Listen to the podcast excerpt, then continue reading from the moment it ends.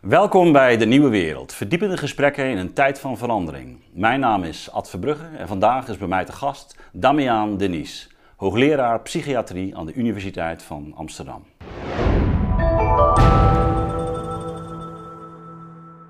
Damiaan, eh, fijn dat je hier bent in het uh, hete Leiden. Ja, dankjewel. wel zeggen. Ja.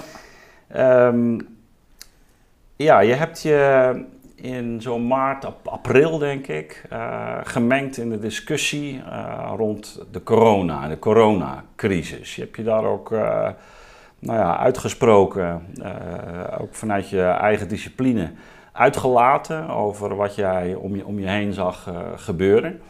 Nou, ik wil eigenlijk in dit gesprek van vandaag eerst maar eens terugkijken op die periode. En, uh, en weer de balans opmaken van uh, waar staan we nu en hoe kijk jij daar nu uh, tegenaan. Dus eerst maar eens dat begin. ja, waarom voelde je je zo geroepen om, om je publiekelijk uit te spreken? Ja, dat is eigenlijk een goede vraag. Ik heb daar niet in die zin over nagedacht. alsof ik mij geroepen zou voelen om zoiets te doen. Um, er, was gewoon een, was, er was gewoon een hele incisief uh, gebeuren. Die corona kwam eraan, uh, de maatschappij werd stilgezet en je zag dat dat uh, allerlei aspecten beïnvloedde van het dagdagse leven. En ik denk dat je dan als, als misschien intellectueel überhaupt of als filosoof dat aangrijpt om na te denken over wat er dan gebeurt. te meer omdat juist die hele crisis en de manier hoe die crisis werd opgelost naar mijn gevoel heel fundamenten in vraag stelde van de manier hoe wij onze samenleving inrichten. Ja. ik heb daar niet expliciet over nagedacht, dus voor mij was het een vanzelfsprekendheid om daar iets over te schrijven. Te zeggen, maar kijk, wat, hoe gaan wij daar nu mee om? Wat, wat, wat, wat is de stijl van omgaan met dit probleem? Hoe doet Nederland dit? Hoe doen we dat in het Westen? En uh, vandaar dat stuk. Ja, eh, eh, wat, wat gebeurde er vervolgens? Had je daarop gerekend? Uh, wel, ja, daar kwam uh, fel commentaar, moet ik zeggen. Ja. Daar had ik uh, niet zo... Uh, wel, ik, ik, ben al een beetje vertrouwd met de commentaar die mm -hmm. men op sociale media geeft. Dus ik was wel een klein beetje voorbereid, maar toch schrok ik nog wel van de, de, de toon, de agressie en de heftigheid van commentaren. Die eigenlijk gewoon vanuit een soort van ja, nogmaals, intellectueel, intellectueel perspectief meedeelt. En uh, de, de commentaren die ik kreeg waren heel persoonlijk, heel bedreigend. Uh, in die mate zelfs dat uh, ik door de universiteit werd opgebeld met het verzoek of ik eventueel beveiliging kon krijgen. Zover ging het zelfs. Ja? ja, mensen, ja, inderdaad. Omdat mensen uh, die spraken in termen van ik zal je wel hebben en je bent een monster. En uh, ik werd dus vergeleken met alle nationaal socialisten. Uh, dus de, die, die, die waren wel, ik bedoel, het is niet zo dat er, dat er zo heel veel waren. Het is een heel, hele kleine minderheid, maar het is wel heel opvallend, omdat mensen jou persoonlijk mailen en dan gewoon ook wel uh, toch redelijk agressief uh, en persoonlijk aanvallen op een, ja, een standpunt, een mening, wat je gewoon verkondigt in, in een publiek forum. Ja, nou, nou hebben wij van, voor de zomer eigenlijk al even contact gehad. En de, de, kort eigenlijk de kwestie aangeraakt, heb je ook uitgenodigd om hier te komen spreken. En ik, ik had toen het idee dat je Um, eh, een beetje terughoudend was. Eh, niet zozeer uh, naar mij, maar even, de, zelf ook even als het ware een stap terug nam. Ja. Klopt dat? Ja, zeker. Ja. Ik had, na een tijdje dacht ik van het is nu wel genoeg geweest. Ja. Um, dan merk je dat het ook effect heeft. Dus dat is dan wel jammer. Merk je dat ook, ook laten we zeggen, binnen, binnen je werkomgeving? Dat is relatief gescheiden. Ik, ik, ik werk uh, op de afdeling als psychiater en uh, daar circuleert dit niet. Uh, maar ik merkte wel, en dat is dan misschien toevallig door mijn specifieke positie, waar ik mm -hmm. aan de ene kant als psychiater werk, aan de andere kant een wat meer filosofisch standpunt inneem ten opzichte van maatschappelijke onderwerpen, zou je kunnen zeggen, dat dat voor heel veel mensen een probleem was. Mensen spraken mij op aan dat ik als psychiater dit niet mocht zeggen. Uh, en vonden die, die, die vermenging tussen de psychiater, die gezien wordt als een arts, die altijd steunend en, en goed moet zijn, vonden dat heel ingewikkeld met uh, het, uh, het, doen van scherpe uitspraken. En dat is iets wat ik wel al langer herken. mensen hebben graag personen die in een vakje zitten. En uh, je, bent in, in, je zit in dit vakje, je bent goed, je bent slecht, je bent uh, een dwarsdenker of je bent een psychiater of een steun of een pastoor, maakt mij niet uit. En het is heel ingewikkeld als je daar uitstapt uh, voor mensen om te begrijpen dat er verschillende manieren zijn om naar dingen te kijken. En dat soms ja, men enige scherpte nodig heeft en soms uh, een andere manier. Maar het is misschien ook wel een deel van uh, de, de, de, problematiek waar we op dit moment mee kampen. Hè? Want je, je opent het gesprek met uh, van ja, goed, ik, als intellectueel, als filosoof, kijk je om je heen en, en probeer je de balans op te maken. Ja. En, en ook daar, nou ja, met het oog op het gemeenschappelijk goed uh, uh, je mening over eh, uit te spreken, onderbouwd. Ja. En, in zekere zin vanuit een meer integraal perspectief te ja. kijken. Um, terwijl we natuurlijk nu ook zien, ook waar het gaat om het beleid van het kabinet, dat er heel sterk natuurlijk geleund wordt op wetenschappelijke disciplines. Juist een hele bijna disciplinaire benadering wordt, wordt, uh, wordt gekozen.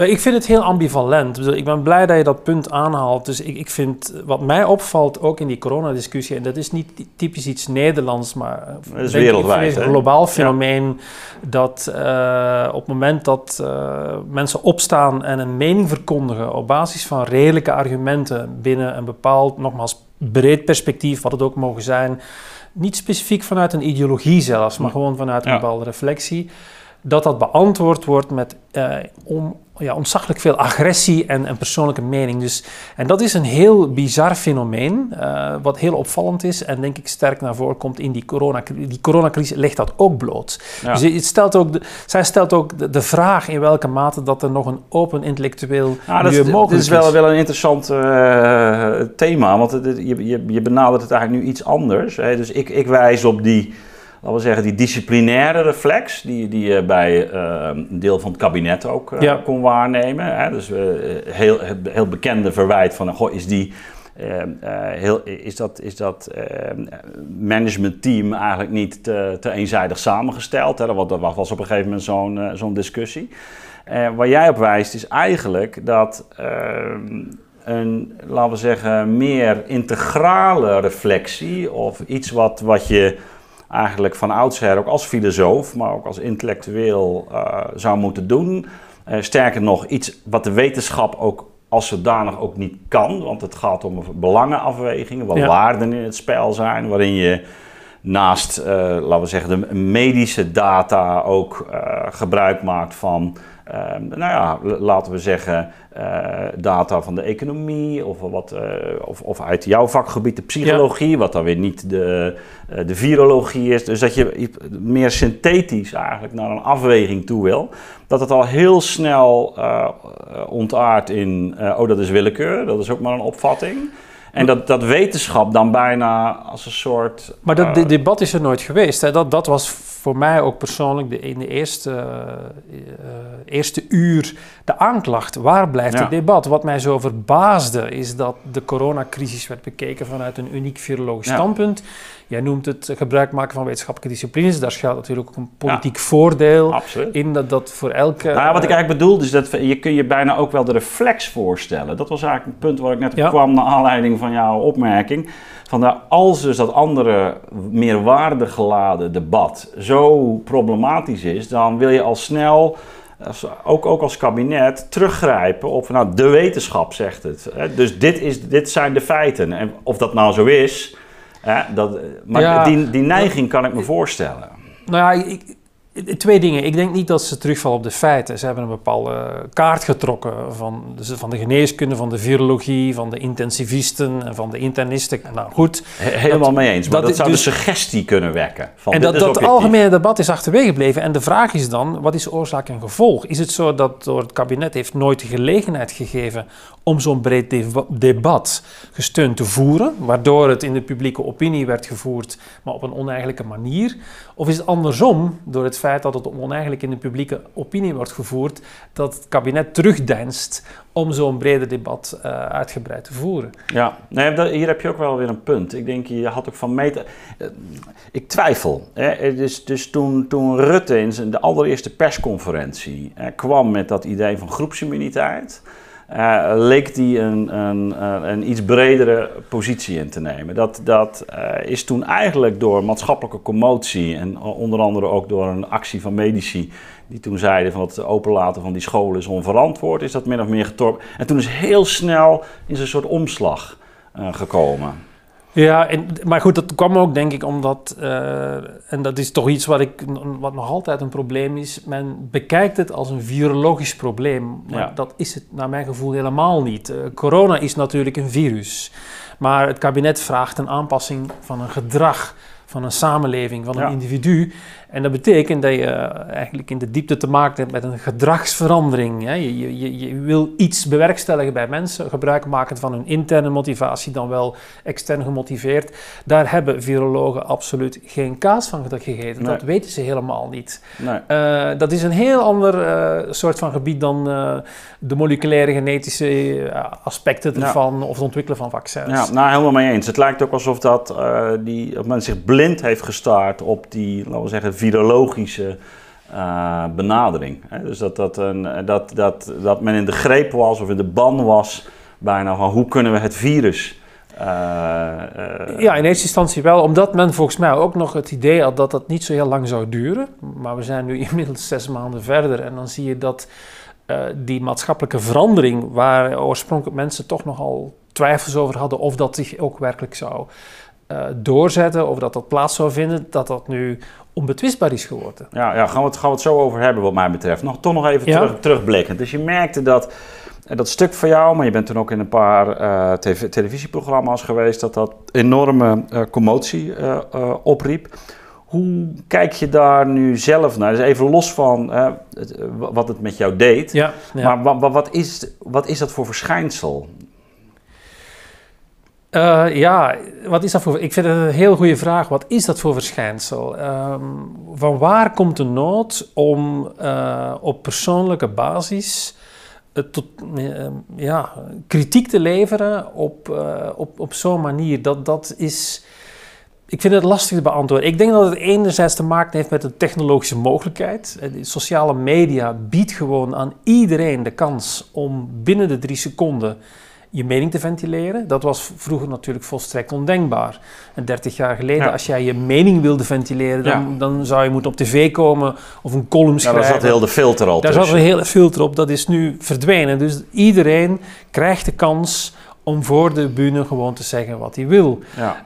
Uh, dus het heeft iets te maken met het technologische voorwaarden die geschapen zijn, maar het heeft volgens mij ook iets te maken met de behoefte van de burger om zijn of haar uh, mening te uiten, om dat te ventileren. Er is een, een enorm gevoel van gebrek aan erkenning uh, aan wat mensen denken of zeggen. Zeker in die coronacrisis, waar top-down alles werd opgelegd. En er is ja, toch behoefte aan dat forum. En als dat er niet geboden wordt, denk ik dan, dan gaan mensen op persoonlijke basis uh, heel um, ja, ongedisciplineerd en ongefundeerd allerlei meningen uiten. Ja, maar daarmee zeg je eigenlijk als je dus aan de bovenkant onvoldoende die brede reflectie cultiveert, waarin je eigenlijk in alle rust hele fundamentele vragen stelt. Uh, ja. En daar uh, niet met one-liners, maar gewoon op een, een beredeneerde, rustige manier met elkaar over spreekt, dat voordoet in zekere zin, dan uh, wordt de reflex daaronder op sociale media in feite alleen maar versterkt. Om, omdat je eigen.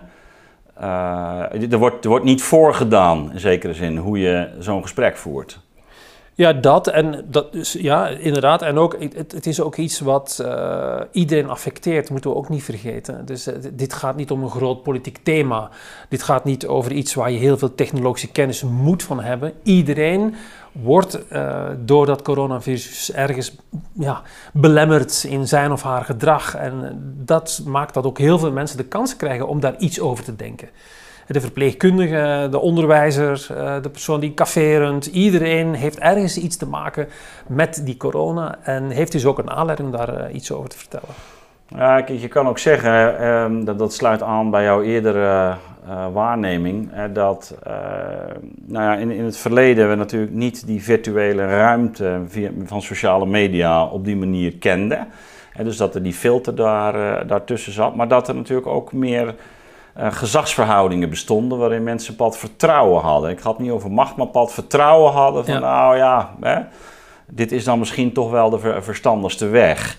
Um, tegelijkertijd zag je ook wel dat, dat er een enorme bijval was, ook voor dat, voor dat kabinet. In, in de, en dat het bijna het afwijken daarvan al uh, nou, werd gezien als een half landverraad. Ja, en dat, dat is het ambivalente, vind ik juist, van, van dit probleem dat we nu schetsen. Aan de ene kant uh, zag je dat er heel veel vertrouwen was uh, in de persconferenties die werden gehouden door uh, ja de premier, en die dat ook, ook overigens heel goed deed, ook in vergelijking met andere landen. Dus dat, dat was voortreffelijk. En die autoriteitsfiguur uh, die hij uh, weerspiegelt, die werd met verve uh, gespeeld. En heel veel mensen begrepen wat er verteld werd en gingen er ook in mee. Dus aan de ene kant is er dat vertrouwen. En ik denk dat Nederland daar ook wel redelijk uniek in is als West-Europees land. Dus dat is fantastisch. Maar aan de andere kant is er toch altijd de behoefte om in die marge daarnaast kritiek te blijven uiten. En dat lijkt ook naar mijn gevoel meer en meer aan te zwellen naarmate dat die crisis langer blijft duren. Ja. Nou ja, nou, je wees zo even al op die, laten we zeggen, in jouw ogen destijds toch wel eenzijdige virologische blik op de, op de problematiek. Um, tegelijkertijd um, wees je ook op een soort, soort collectieve bevangenheid bijna, waar we op dat moment uh, met, met z'n allen in terecht waren gekomen. Um, nou raakt dat natuurlijk ook aan jouw eigen uh, discipline. Hè? Dus ja. gedragsverandering, psychiatrie. Hoe, hoe zou je als psychiater naar dit culturele fenomeen kijken? Als we het dus even, ja, even langs die lijn gaan. Um, nou ja, goed, ik denk dat dat ook een stukje. Uh, het is natuurlijk een psychiater, is een arts die een persoon behandelt. Uh, en men, men, heeft altijd vragen over psychiatrische uitspraken doen voor maatschappelijke mm -hmm. ontwikkeling. Maar toch ligt het natuurlijk dicht bij elkaar, omdat de, de psychiatrie ook uitspraken Nogal wat over... van jouw Vlaamse collega's doen het ook, hè? Ja, precies. Ja. Is, uh... Maar ook in, de, in het verleden ja. is het heel gebruikelijk geweest. Ja. Freud is ook niet iemand die zich beperkt zeker. heeft tot eh, dat, dat komt omdat psychiaters ook uiteindelijk uitspraken moeten doen over de abnormaliteit. Wat is normaal en abnormaal? En dat is een, een blijvende maatschappelijke discussie waar psychiaters goed dan ook een stem in hebben en ook een mandaat hebben gekregen om daarin op te treden. Uiteindelijk bepaal je een beetje als individu wat normaal en abnormaal is. Of dat dat gerechtvaardigd is, een andere zaak. Maar dus in dat opzicht is er steeds de verleiding om ook uitspraken te doen over de maatschappij en de ontwikkeling in de maatschappij. Wat, ik, wat, ik, wat ik zelf in ieder geval eh, in mijn naaste omgeving, maar ook wel bij mezelf heb bespeurd, uh, is dat, uh, je had het zo even over die, die persoonlijke betrokkenheid. Hè? Dit is natuurlijk, ja, wanneer het gaat over een, een, kwestie van hoe schrijnend ook de praktijken van de Belastingdienst, dan kun je daarover opwinden. Maar dat er raakt in in de meeste gevallen hè, je een stuk minder heftig en diep mm-hmm. dan de, de, deze, dit debat rond corona. Sterker nog, ik heb in mijn naaste omgeving ook gemerkt dat het ook tot, tot, tot spanningen kan leiden. Als je ja. er een andere opvatting over, over, over huldigt. Um, dat lijkt alles te maken te hebben met angst. Uh, latent, soms evident. Ik, ik zag, uh, ik denk dat jou dat ook wel eens opgevallen als psychiater. De blik in, in, in de ogen van mensen uh, veranderen. Ook, ook in vrienden waarbij ik, waarbij ik het minder verwacht had. Dat, ja, de, ja. Ik denk van, hé, wat gebeurt hier? En dan zag ik iets van angst. Ja. En uh, dus, dus dat, nou ja, dan, zitten we natuurlijk uh, zowel bij een heel interessant filosofische thematiek. Hè, uh, nou ja, ja, Bij, bij, Heidegger, de existentialisten, Kierkegaard, die angst een belangrijke rol. Maar we, ook bij Freud, in de psychiatrie, is angst natuurlijk een, een, nou ja, een van de oerfenomenen. Ja.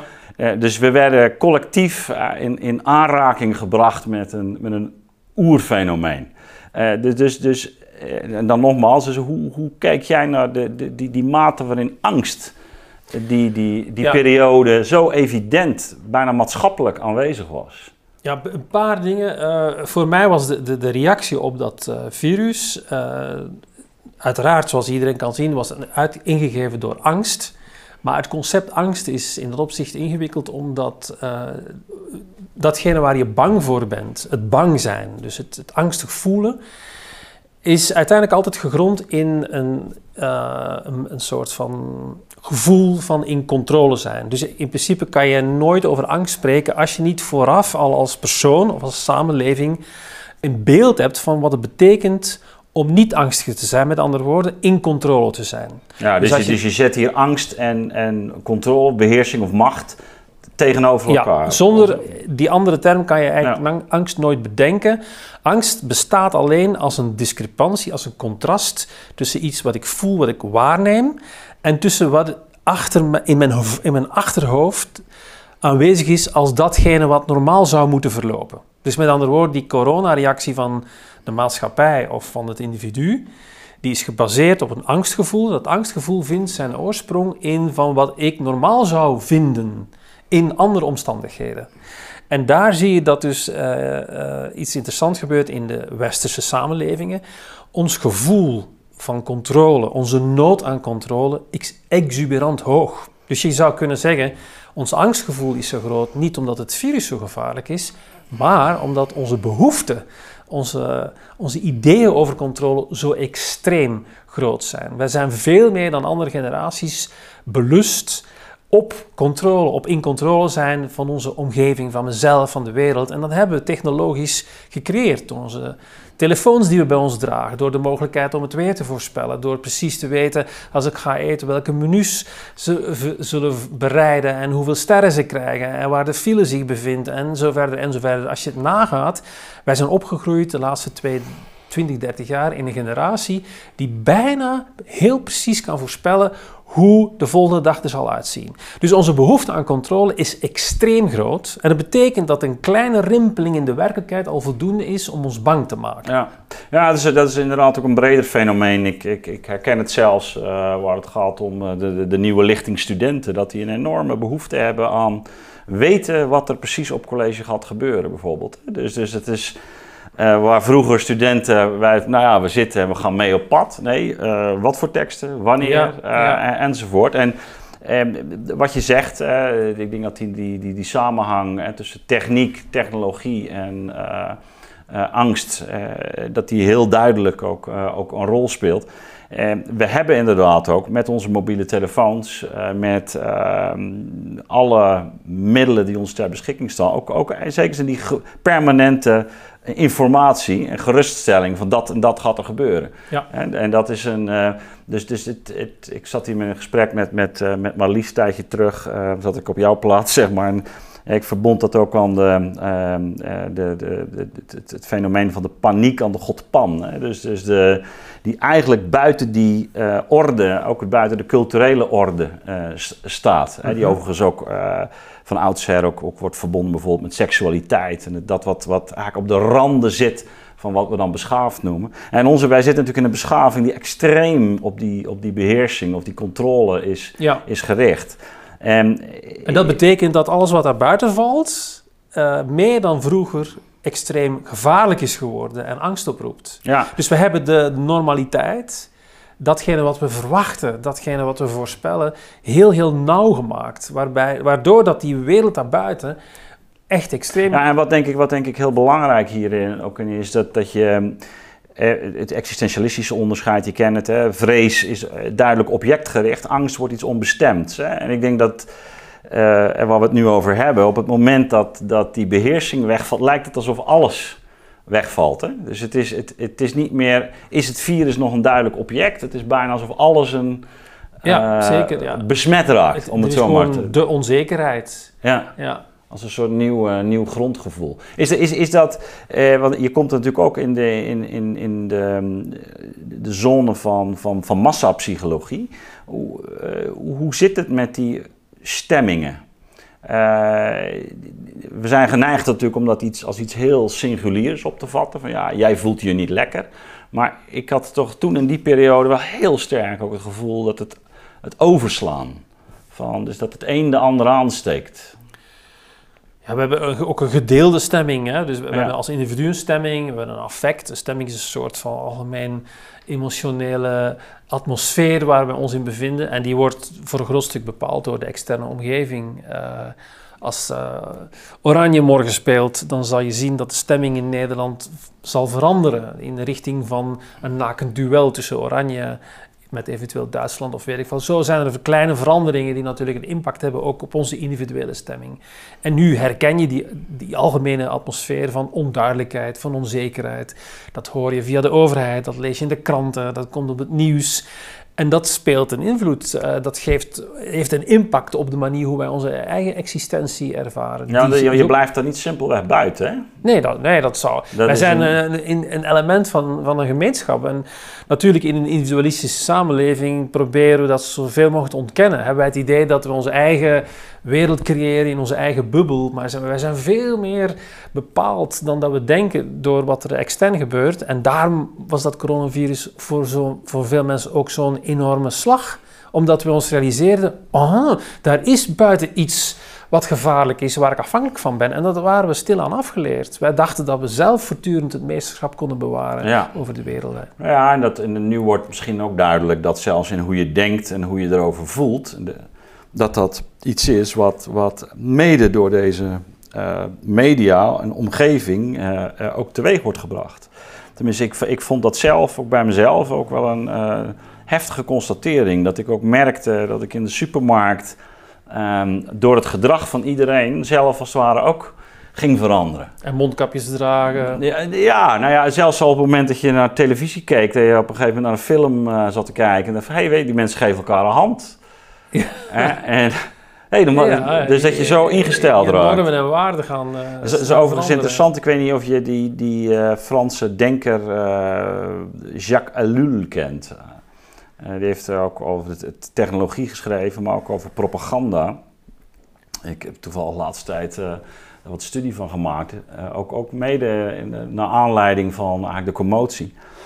Um, daar zouden we een heel apart gesprek over kunnen voeren. Maar één ding, hij zegt, ja, propaganda is niet zo gezicht op, gericht op meningsverandering. En dat vond ik echt een, een, een enorme eye-opener. Hij zegt, het, het, propaganda is primair gericht op gedragsverandering.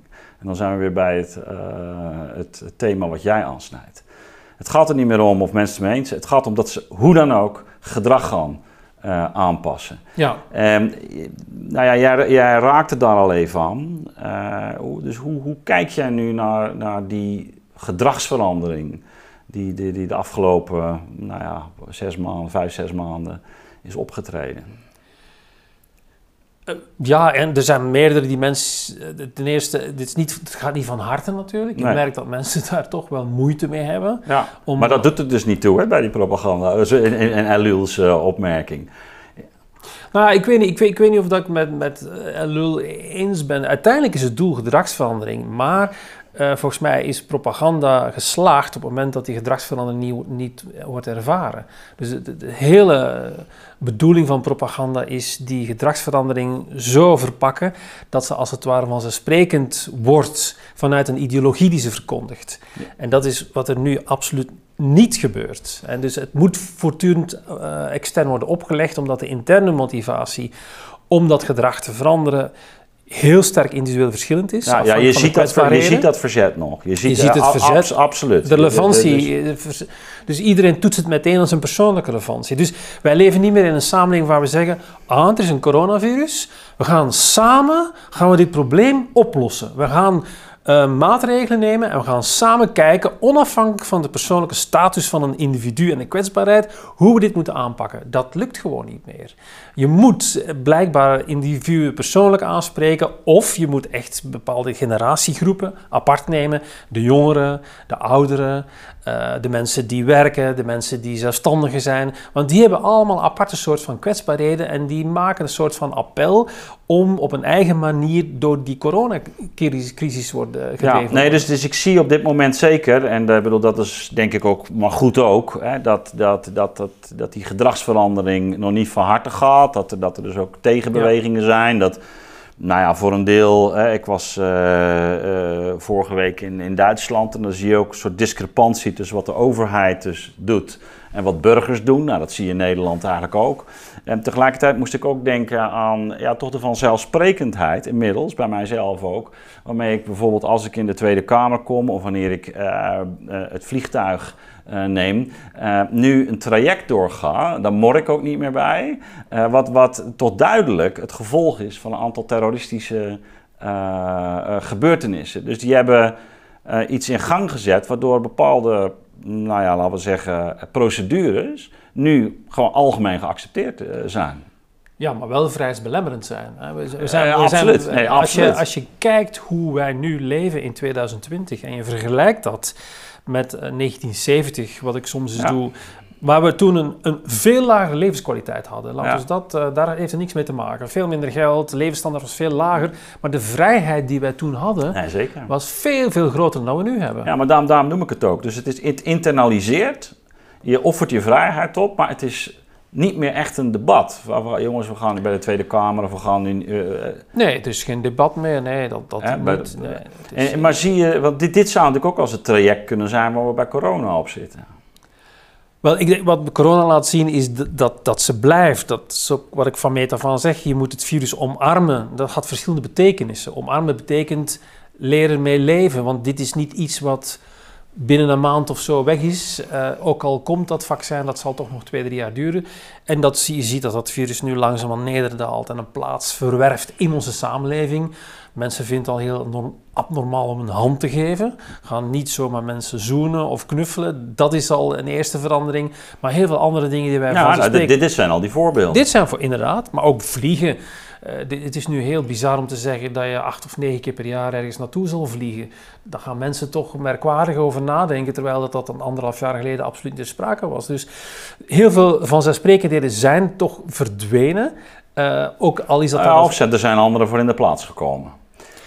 Ja, deels wel, inderdaad. Ja. Bepaalde rituelen hebben ons eigen, maar zoals je zelf zegt, van, we vinden het nu heel normaal om eh, gewoon ja, gefouilleerd te worden en, en eh, een aantal plichtplegingen te volgen die bij onze cultuur horen. Terwijl dat we toch, wat we daarnet hadden, stelselmatig, het komt altijd wel neer, een stukje van onze vrijheid inleveren. Ja, want dan komen we eigenlijk bij het cruciale punt. Hè. We hebben, ehm, in de verlichting hadden we al de, de grote spanning tussen de, de, de twee eh, dominante ethieken. Eh, de Ka- Kantiaanse ethiek van de, van de plicht en de vrijheid van de persoon. De, en de waardigheid van de persoon.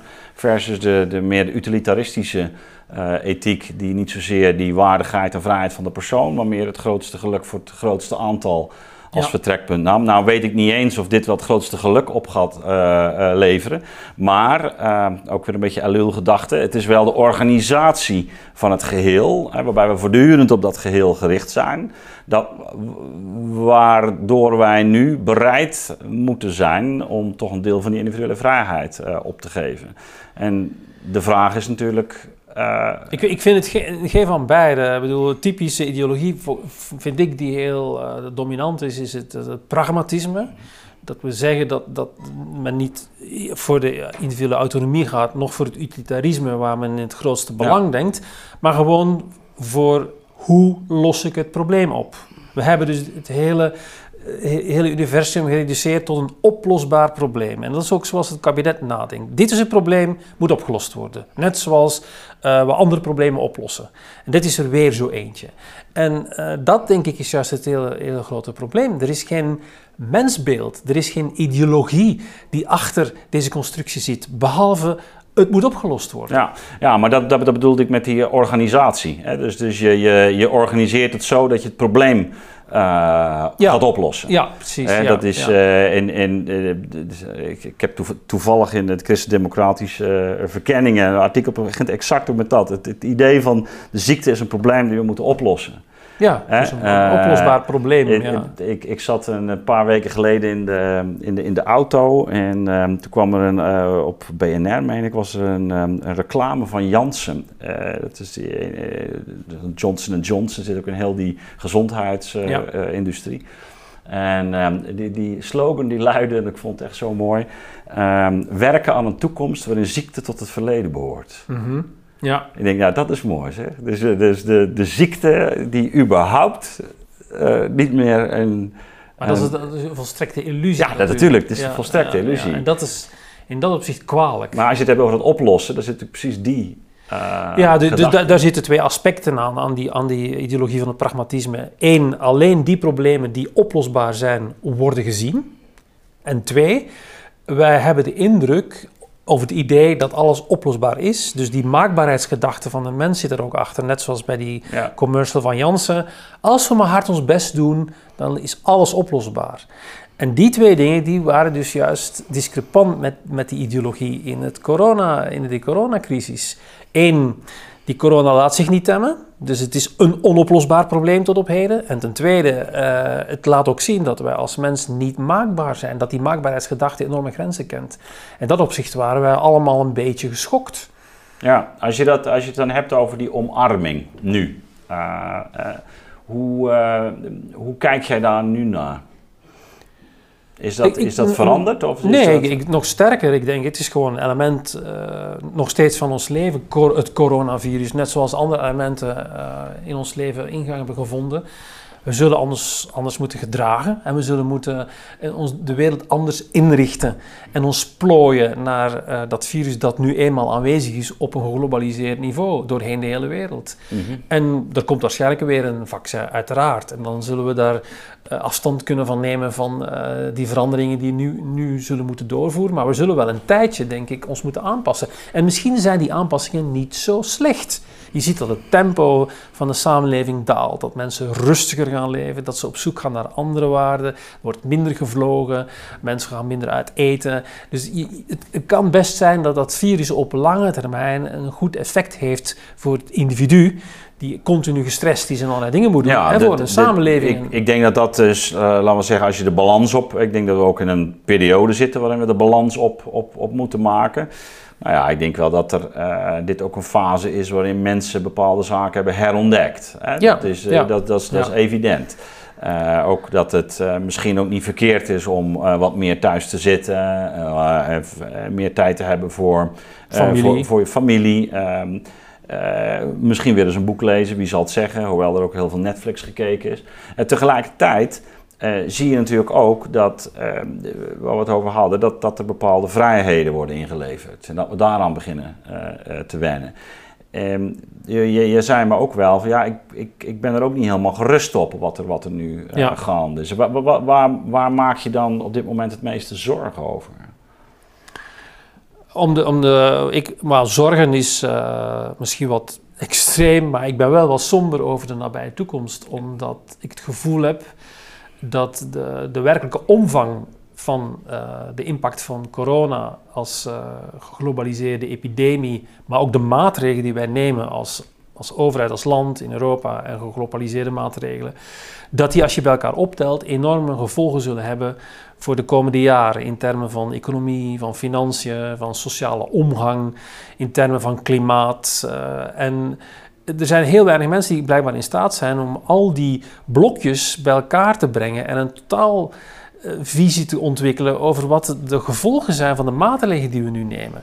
Maar het ziet er naar uit dat op alle fronten werkloosheid zal toenemen, financieel het lastiger wordt. Dus ergens zullen wij ons moeten plooien naar een werkelijkheid die misschien iets minder aantrekkelijk is dan degene die ons hadden voorgesteld. Maar het is in feite, dit, dit raakt natuurlijk direct ook aan uh, thematiek waarmee we openden. Op het moment dat er niet die integrale reflectie plaatsvindt. Um, maar vooral uh, toch gekeken wordt naar het probleem dat moet worden opgelost. Uh, ja. Dat is de, dat je uh, onvoldoende eigenlijk oog hebt ook voor um, nou ja, wat, er, wat er in het systeem als geheel, of wat er in die samenleving als geheel, ja. of de wereld als geheel, eigenlijk nu gaat gebeuren. Dus je komt eigenlijk steeds opnieuw voor verrassingen die, waar, je, waar je onvoldoende uh, je rekenschap ja. van hebt gegeven. We hebben een hele kwetsbare samenleving gemaakt met z'n allen de afgelopen twintig jaar. En je ziet dat als daar iets wordt uitgehaald, één klein dingetje, dat al die stokjes beginnen te vallen. En we hebben ons nooit gerealiseerd hoe wederzijds afhankelijk al die stokjes van elkaar ja. zijn. Nou, dat is, dat is ook het thema wat we hier uh, bij de Nieuwe Wereld al vaak uh, besproken hebben. Met, uh, dus dus de, de, nou ja, de, de gevolgen op al die verschillende terreinen. Die zijn groot, ja. Die zijn groot. Dat, daar gaan we het misschien nog over hebben. Um, voordat we dat, daarop komen, toch, toch nog één, één ding. Je, je bent uh, geboren en getogen in, uh, in Vlaanderen. Ja. Je bent inmiddels zo'n 20 jaar hier, denk ja. ik. ja, zoiets van 20 jaar, ja. Ja, wat mij toch opviel is, is hoe, hoe België als land echt een heel andere uh, toon uh, had, maar ook een koers is gaan varen. Waarbij we notabene weer betonblokken op de weg uh, kwamen. Ja. Dat er weer een soort van, ja, die Nederlanders of Hollanders. En, hoe, hoe, kijk jij naar, naar wat er in, in, in België gaande is? Wel, ik ben blij dat ik in Nederland woon. Ja? Daar is, Waarom? Omdat de, ik vind de, de, blik die Nederland heeft op dat virus, hoe stringent het ook mogen aanvoelen, van een... Ja, het is nog relatief uh, vrij. Ja, vrijheid getuigd en, en een realiteitszin. Dus uh, in, in dat opzicht ben ik dat pragmatisme hier wel wat dankbaar. Mm -hmm. uh, want ik zie dat men in België, inderdaad, zoals je zegt, heel anders reageert. Veel stringenter. Ja, misschien, misschien ook even voor de kijkers die daar niet van op de hoogte zijn. Uh, ik kun je eens een beeld schetsen van de, de, de Ja, wel, je, hebt, je hebt verschillende gebieden nu in, in België die zogenaamd oranje gekleurd zijn. Overigens heeft België een aparte kleurcode. dat is ook weer interessant, hè? Dat, dat ieder land dat precies, weer op zijn eigen manier doet. Dus bijvoorbeeld men denkt in bubbels en men definieert dus ook uh, de, de, maximale aantal mensen die in zo'n bubbel mogen zitten. Dus een gemiddeld familielid heeft op een bepaald moment de toestemming gekregen om maximaal vier andere mensen te ontmoeten gedurende een, een, aantal weken, een aantal maanden zelfs. Dat betekent dat je vier mensen moest zoeken uit je omgeving en daar... Die mag je, die mocht je buiten je, buiten je huisgezin, ja. mocht je nog ja, en vier mensen niet, nog ja. Maar dan mocht je wel met een aantal mensen op restaurant gaan eten, maar die mocht je niet thuis uitnodigen, dus dat schepte weer allerlei problemen. Er is een avondklok ingesteld in Antwerpen, laat ons niet vergeten, dus om tussen 11 en 6 mocht niemand uh, op straat komen. Ja, dat is ongekend, dat, is, dat was van de Tweede Wereldoorlog, dit soort van maatregelen. Als je op strand in Oostende langs de zee loopt, dan moet je een mondkapje aandoen. Ook als je dus met je voeten in de zee loopt.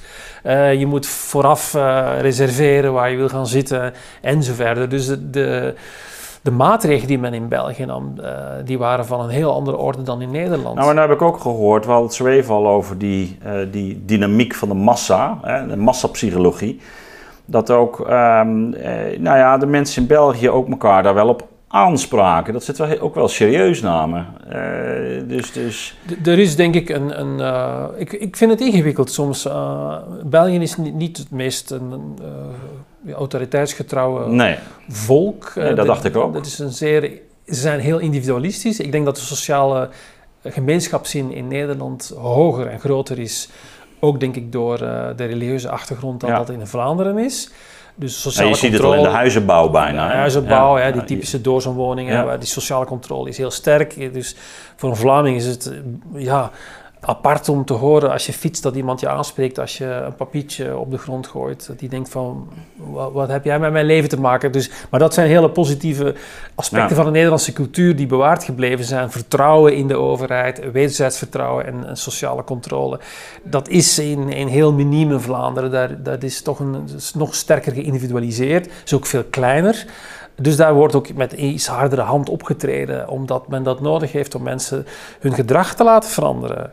Uh, en dat is maar, maar laat zich dat dus wel gevallen? Deels wel, maar deels ook niet. Je hebt ook uh, illegale feesten, je hebt ook mensen die het proberen aan te ontsnappen. Maar uh, zo, het is, men moet van overheidswegen iets nadrukkelijker optreden en strakker eisen stellen. En dan zal een groter deel van de bevolking dat ook volgen. Uh, daar is dan wel zeker, een zekere, denk ik, leidzaamheid, waar misschien Nederlanders dan wel weer iets minder gemakkelijk mee zullen optreden. Dus in dat opzicht is, is het complex. Dus de Belgen zijn individualistischer, maar zodra een, een uh, van overheidswegen een maatregel wordt uitgevaardigd, zullen ze misschien iets sneller dat opvolgen dan Nederlanders die al makkelijker ja. zullen zeggen, ja maar... Uh, bewijs mij iets dat dat belangrijk is en laat zien. Dus die, Nederland wil altijd rechtvaardiging, hè? wil weten waarom ja. zoiets is. En daar hebben Belgen geen behoefte aan. Als de baas, als de burgemeester het zegt, dan zal het wel zo zijn. Ja, nou ja, we hebben natuurlijk ook alle kerkscheuringen gehad. Hè? Dus, dus, ja. Uh, dat is, ja, je kunt het wel zeggen, maar ja. hè, mijn ja. geweten zegt wel wat anders. Ja. En dat is toch een, een, deel van die Nederlandse... Ja, dus dat is ook wel interessant. Dus je, je ziet dus ook binnen Europa, en ik, ik ben ook wel benieuwd hoe jij daar naar kijkt... Dus ik zeg, ik was in Duitsland. Nou, Zweden doet het weer op zijn eigen manier. Uh, nou, uh, Italië, Frank, uh, Frankrijk, Spanje. We zien het ook wel verschil tussen Noord en Zuid natuurlijk ook een oud motief is. Maar het lijkt wel alsof die angst, die toch collectief, denk ik, heel Europa heeft met die angst, maar dat die dus een bepaald soort instincten of zo losmaakt. Eh, ja. Waarbij hele oude dingen naar boven komen. Een soort van waar stel je dan vertrouwen in en de manieren waarop. Ja. Nou, je, ziet heel nationalistische reflexen. Het is heel bizar. We hebben een, een, een geglobaliseerd virus met een geglobaliseerd probleem een wereldepidemie. En toch zie je dat ieder land terugvalt op eigen culturen en rituelen om dat aan te pakken. Met eigen codes en eigen maatregelen tot het absurde toe. Hè. Dat, dat inderdaad België, waar hebben we het over? Is een paar vierkante kilometer groot. Hebben een heel eigen systeem, los van Nederland, los van Duitsland, los van Frankrijk. Het lijkt alsof die angstreactie ervoor zorgt dat inderdaad misschien uit behoefte aan vertrouwen of uit angst ook men terugvalt op, een, soort van identiteit. Hè. Ik, ik wil laten zien dat wij dat hier op die manier doen. Uh, en dat is misschien een, ja, een volkomen verkeerde reactie, maar wel begrijpelijk. In, in, in uh... Maar zit, zit er, als je daar als uh, psychiater of psycholoog naar kijkt, zit daar dan toch een vorm van diepste ja, gevoel van hechting of een vorm van waar je veiligheid zoekt wanneer het angstig wordt? Dus, dus de, hoe je uh, naar je omgeving kijkt en, en, naar autoriteiten kijkt. Naar dat, want het is, het is raadselachtig hoe gemakkelijk dat dus... Als mensen bang zijn, dan valt het vertrouwen weg. Ja. Dus het, eh, wat de normale reflecties als in België mensen bang worden... Ja, dan gaan ze minder vertrouwen hebben in wat de Nederlanders zeggen over de corona-epidemie. En dan gaan de Duitsers minder vertrouwen in. Ja, dat is een soort tribalisering. Ja, dat is gaat de terugvallen inderdaad op je kleine instincten, omdat het vertrouwen eh, eh, in, in hoe abstracter gemeenschap, hoe groter het probleem, hoe meer vertrouwen iets vraagt, dus te moeilijker wordt het om na te leven. En men valt terug op hele kleine stukjes gemeenschap. Uh, en het liefst zou men zelfs inderdaad uh, op uh, misschien regionaal niveau willen dat er al de afspraken zijn, want dan kan men, hoeft men niet te vertrouwen, dan kan men het zien. Hè? Mensen willen gewoon zien en waarnemen wat er gebeurt. En op basis van hun persoonlijke waarneming gaat men beslissingen nemen en ook die beslissingen valoriseren. Ja. Blik naar de toekomst, afsluitend.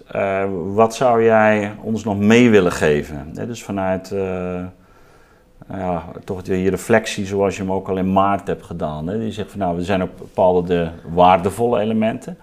Maar waar, waar moeten we de komende tijd uh, als samenleving nou, ik vind dit, het, het, het, klinkt alweer misschien voor sommigen wel cynisch, een, een leerzaam proces. Uh, dat coronavirus laat ons iets zien.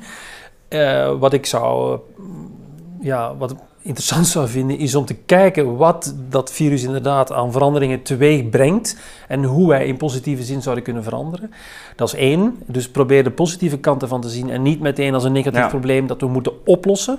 Denk op lange termijn. Probeer misschien. Maar dat is ook heel persoonlijk, zeg je dat? Ook? Dat is heel persoonlijk, ja. ja. Dat is bijna van hoe overleef ik de, de coronacrisis, bij jezelf ook. Hoe helpt de coronacrisis om mij een beter leven te geven? Is mijn vraag. En hoe helpt die coronacrisis om de samenleving een betere toekomst te geven? Zou de vraag kunnen zijn. Ja. En het tweede wat ik toch nog altijd mis en heel jammer vind, is een breed gedragen debat dat uh, de overheid uh, organiseert of instigeert vanuit meerdere disciplines waar je gewoon nadenkt blijvend nadenkt over dit maatschappelijk probleem dat er nog een tijdje zal zijn. Niet één kleine commissie die dit of dat doet, niet alleen een paar virologen of niet terugvallen op die typische organisaties die de overheid heeft als sociaal planbureau. Maar nodig gewoon een grote groep eh, mensen uit en laat ze nadenken over wat dat virus betekent voor de Nederlandse samenleving en hoe je het ten goede zou kunnen wenden. En laat ze dat gewoon uh, consistent op lange termijn doen om te kijken hoe die richting geven aan persconferenties. Eh, begin jij op dit moment, als je het zegt, nou, je moet er dus die balans op maken, zie jij ook in je eigen praktijk of hoor je van collega's ook, laten we zeggen, de, de, een deel van de psychische schade die nu. Zeker, absoluut. Ja? Is, is, is, daar voldoende aandacht voor, vind je, op dit moment? Uh, er is nooit voldoende aandacht voor. Dat was ook al voor corona zo. Dat, dat er altijd uh, wel... Uh, dus die psychische gezondheidszorg is al, al, al een mm tijd een probleem. Maar ik denk dat de coronacrisis daar dat niet heeft opgelost, maar verergerd. Je, je ziet dat de mensen met ernstige psychische stoornissen nog langer op de wachtlijst zullen staan, omdat gewoon de zorg tekort schiet, eh, de accenten, de prioriteit liggen bij ander soort van zorg. Eh, dat is massaal naar de corona gegaan. Dat heeft uh, de reguliere lichamelijke zorg beïnvloed, maar uiteraard ook de psychische zorg. Um, dus daar zitten denk ik, aspecten aan die negatief zijn voor de geestelijke gezondheidszorg, maar er zitten ook positieve kanten aan. Je ziet ook dat mensen opnieuw naar hun eigen lijden kijken. En de vraag stellen wat hun eigen eenzaamheid betekent en hun depressie en hun angst. En misschien komt daar ook wel iets positiefs uit. Dus het, gaat, het is niet eenduidig, het is niet per definitie negatief. Ik denk dat het negatief is voor de mensen met ernstige psychische klachten, maar positief kan zijn voor mensen met wat mildere klachten. Ja. Nou ja, laten we in ieder geval hopen dat uh, die brede discussie, dat die uh, mede door uh, een inbreng zoals die van jou ook, ook op gang komt. Want ik denk wel dat dit, dit, ook het moment is waarop we die moeten gaan, gaan voeren, dus met, met, met elkaar. Ik wil je hartelijk danken voor, voor je komst hier. Dankjewel. Dank je.